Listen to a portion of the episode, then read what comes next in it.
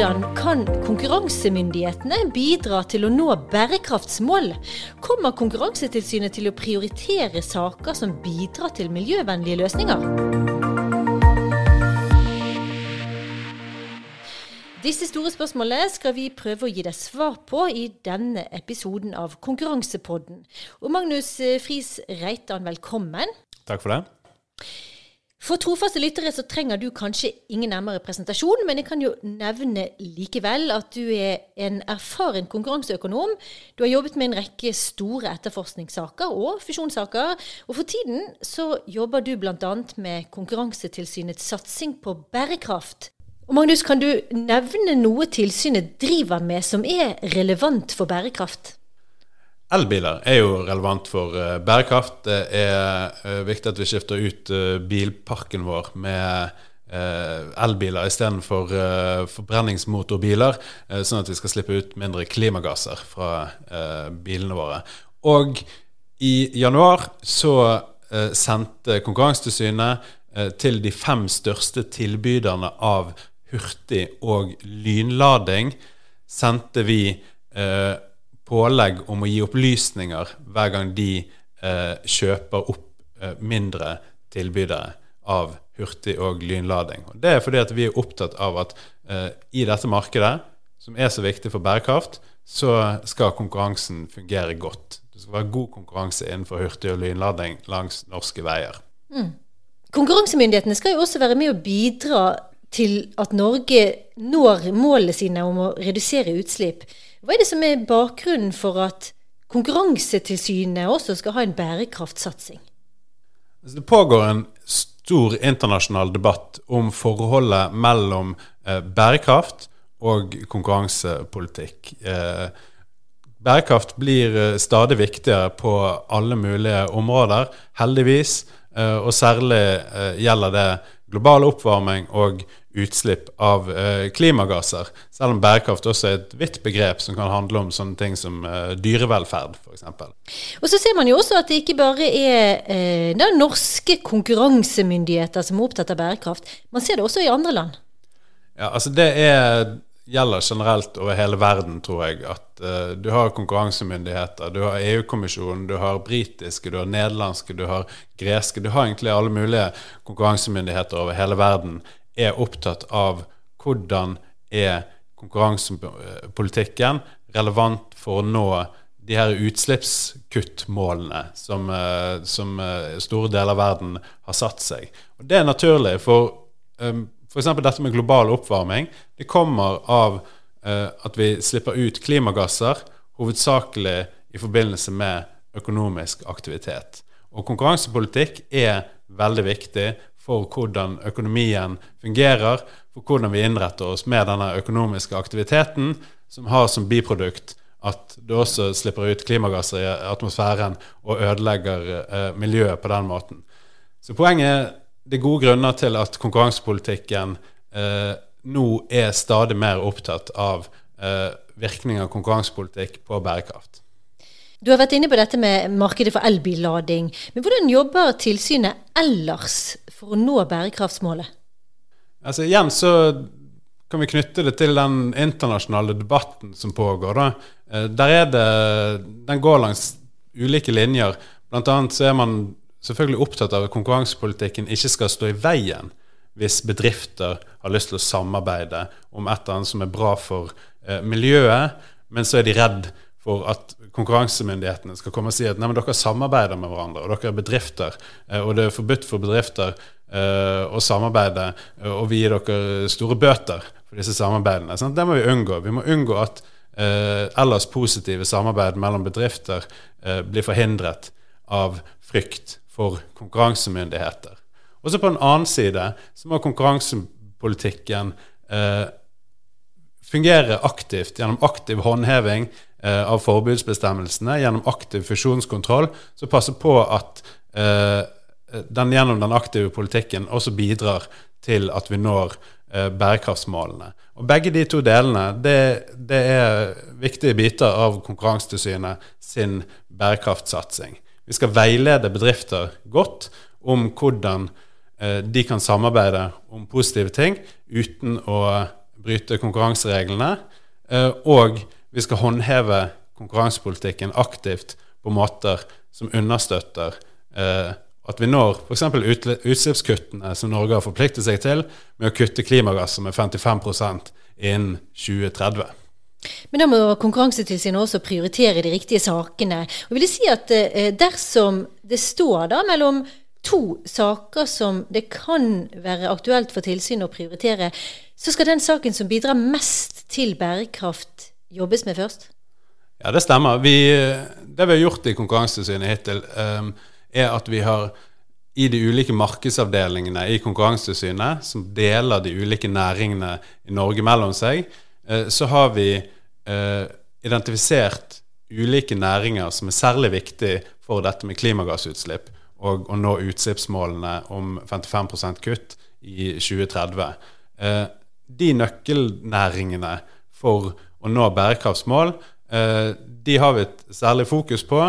Og ikke minst så har vi eh, innført eh, bærekraft som et prioriteringskriterium i valg av saker, sånn som du sier. Hvis vi har to saker som er stort sett ellers like, men den ene saken har en positiv effekt på bærekraft, så skal vi velge den saken.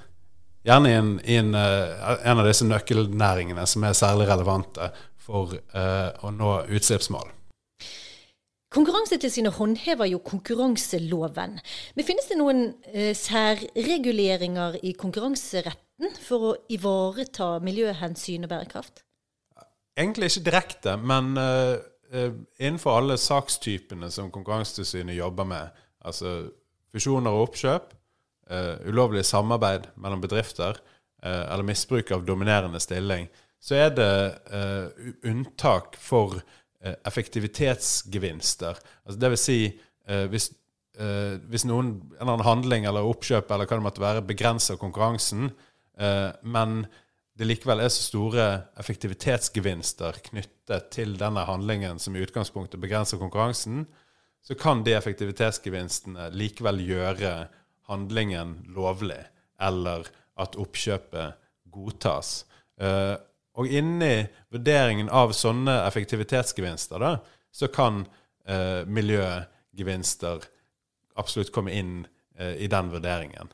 Finnes det noen eksempler på at dette har vært tilfellet? Ja, blant annet så har du Det er en stund tilbake, men så har du i, hos, fra EU-kommisjonen de godtok et samarbeid mellom eh, store produsenter av vaskemaskiner i Europa, eh, hvor de produsentene ble rett og slett enige om å fase ut en hel klasse med eh, en hel serie med vaskemaskiner som var de minst eh, energieffektive. Eh, du vet du har sånn merking på eh, vaskemaskiner fra A til F på hvor energieffektive de er, hvor gjerrige de er på bruk av strøm og vann når de, når de vasker. Tidligere så gikk, så gikk, den skalaen helt til H, tror jeg det var. Eh, så du hadde noen enda mye mindre effektive vaskemaskiner. De ble, disse her vaskemaskinprodusentene, enige, samarbeidet seg imellom om å fase ut. Eh, og det fant eh, EU-kommisjonen at selv om det tross alt er på en måte et et samarbeid mellom konkurrenter om å slutte å levere noe sånne ting folk kan være interessert i å kjøpe. Eh, så i utgangspunktet eh, konkurransebegrensende, så var det likevel så store fordeler knyttet med det eh, at, at det likevel var lovlig, ifølge kommisjonen. Så her var effektivitetsgevinsten rett og slett en miljøgevinst? Ja. Men Magnus, vil du si at konkurranseloven er god nok for å ivareta miljøhensyn og bærekraft sånn den er i dag? Det er i hvert fall ikke mye eksempler på at ting stoppes av konkurranseloven som ville være bra for, uh, for bærekraft.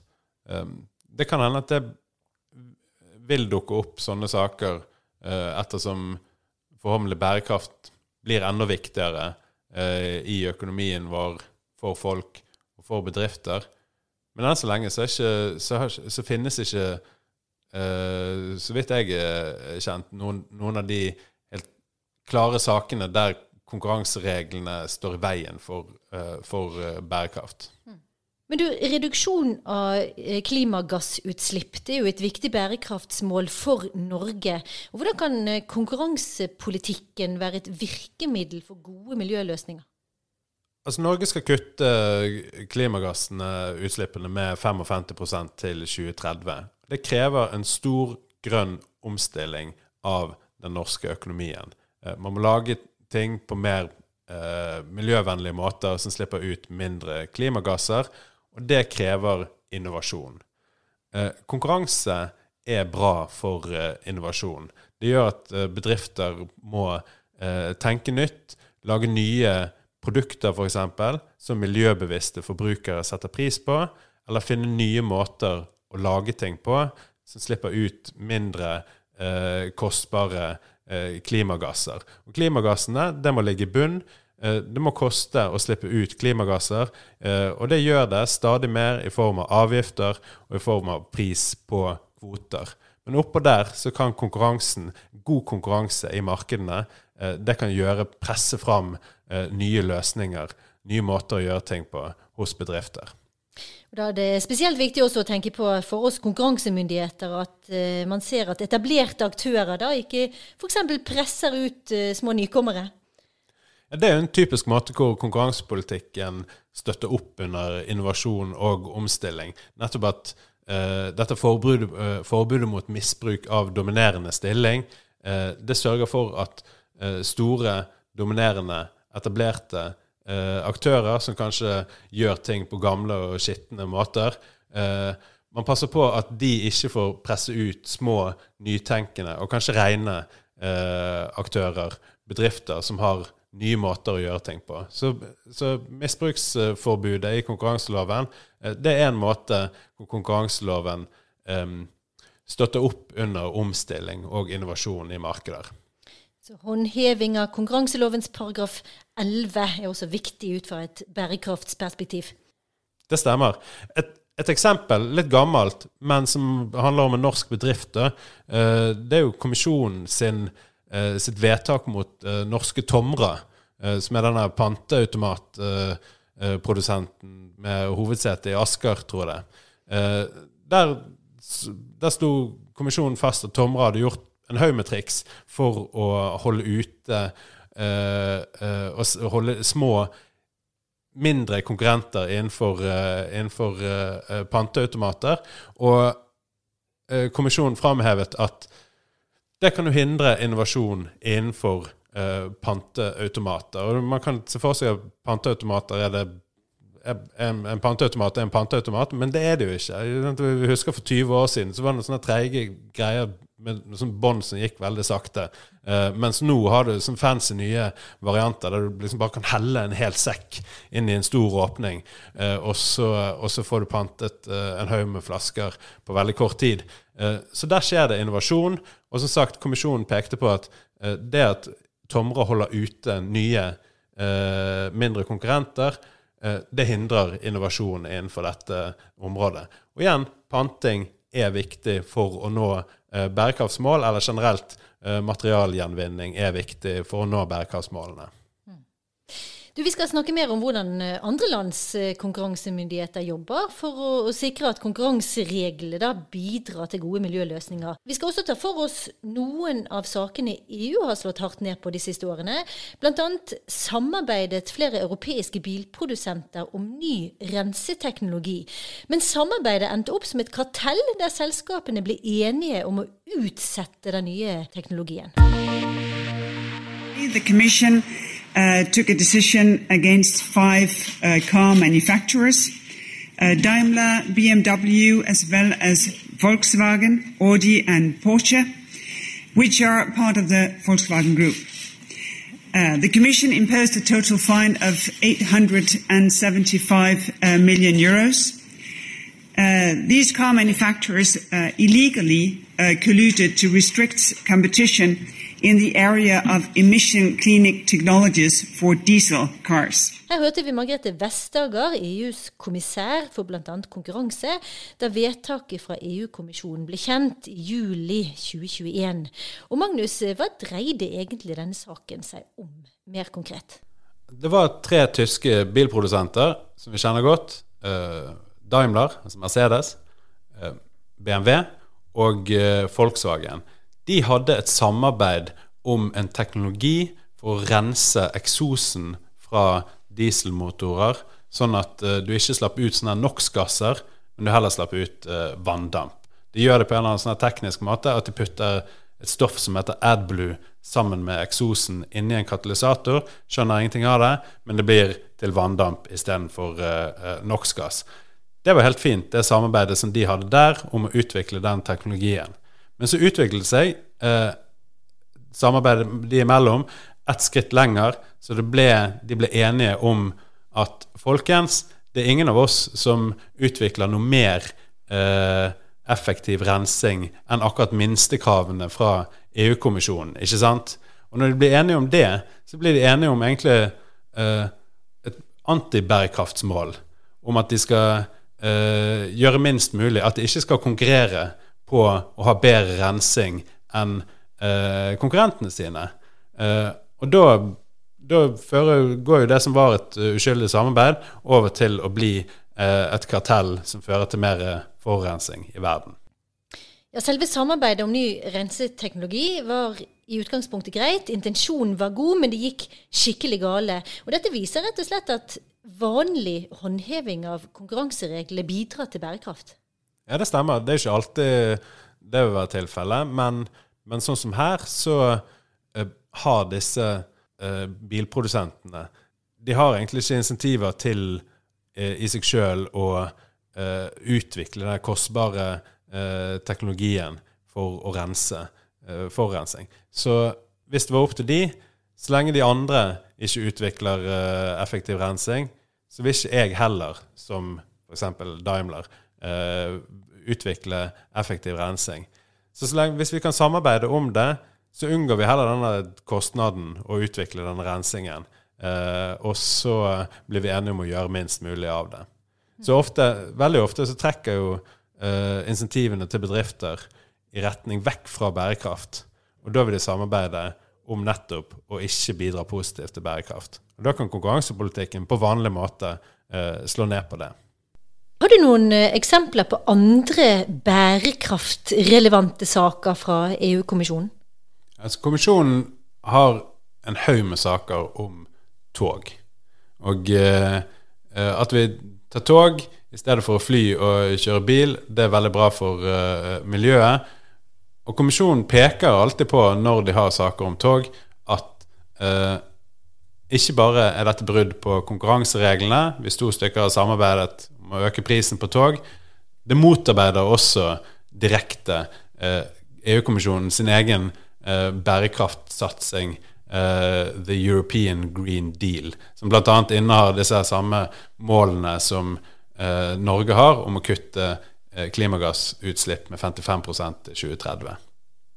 Ja, Vi skal snakke mer om uh, ulike togsaker i Europa i neste episode av Konkurransepodden, som blir en ren togspesial. Men for å oppsummere litt uh, denne episoden. Vi i Konkurransetilsynet har altså en bærekraftssatsing fremover. Og hva konkret gjør vi videre? Altså det vi nevnte det tidligere, vi har i de ulike markedsavdelingene så har vi identifisert de næringene som er særlig viktige for uh, bærekraft, og da spesielt dette med klimagass utslipp. For at vi skal nå målene våre i 2030 om 55 eh, klimagassreduksjon. Um, hvilke næringer som er særlig relevante for det. Og så har vi også uh, i den nye strategiplanen vår så har vi eget, uh, en egen del om bærekraft, der det også fremgår at bærekraft er et prioriteringskriterium når vi velger saker. Det kommer helt konkret til å bli et moment som vi Eh, som vi vurderer når uh, to ellers like saker uh, vurderes opp imot hverandre. Hvis den ene saken er relevant for bærekraft og særlig klimagassutslipp, så kommer Konkurransetilsynet til å velge den saken. Takk skal du ha, økonom her i Konkurransetilsynet, Magnus Friis Reitan. Det var det vi hadde i denne episoden av Konkurransepodden. Jeg heter Siri Løken og er kommunikasjonsrådgiver i Konkurransetilsynet. Og Hvis du vil lese mer om tilsynets ulike saker, kan du gå inn på nettsidene våre. Følg oss også gjerne på sosiale medier, LinkedIn, Facebook og Twitter.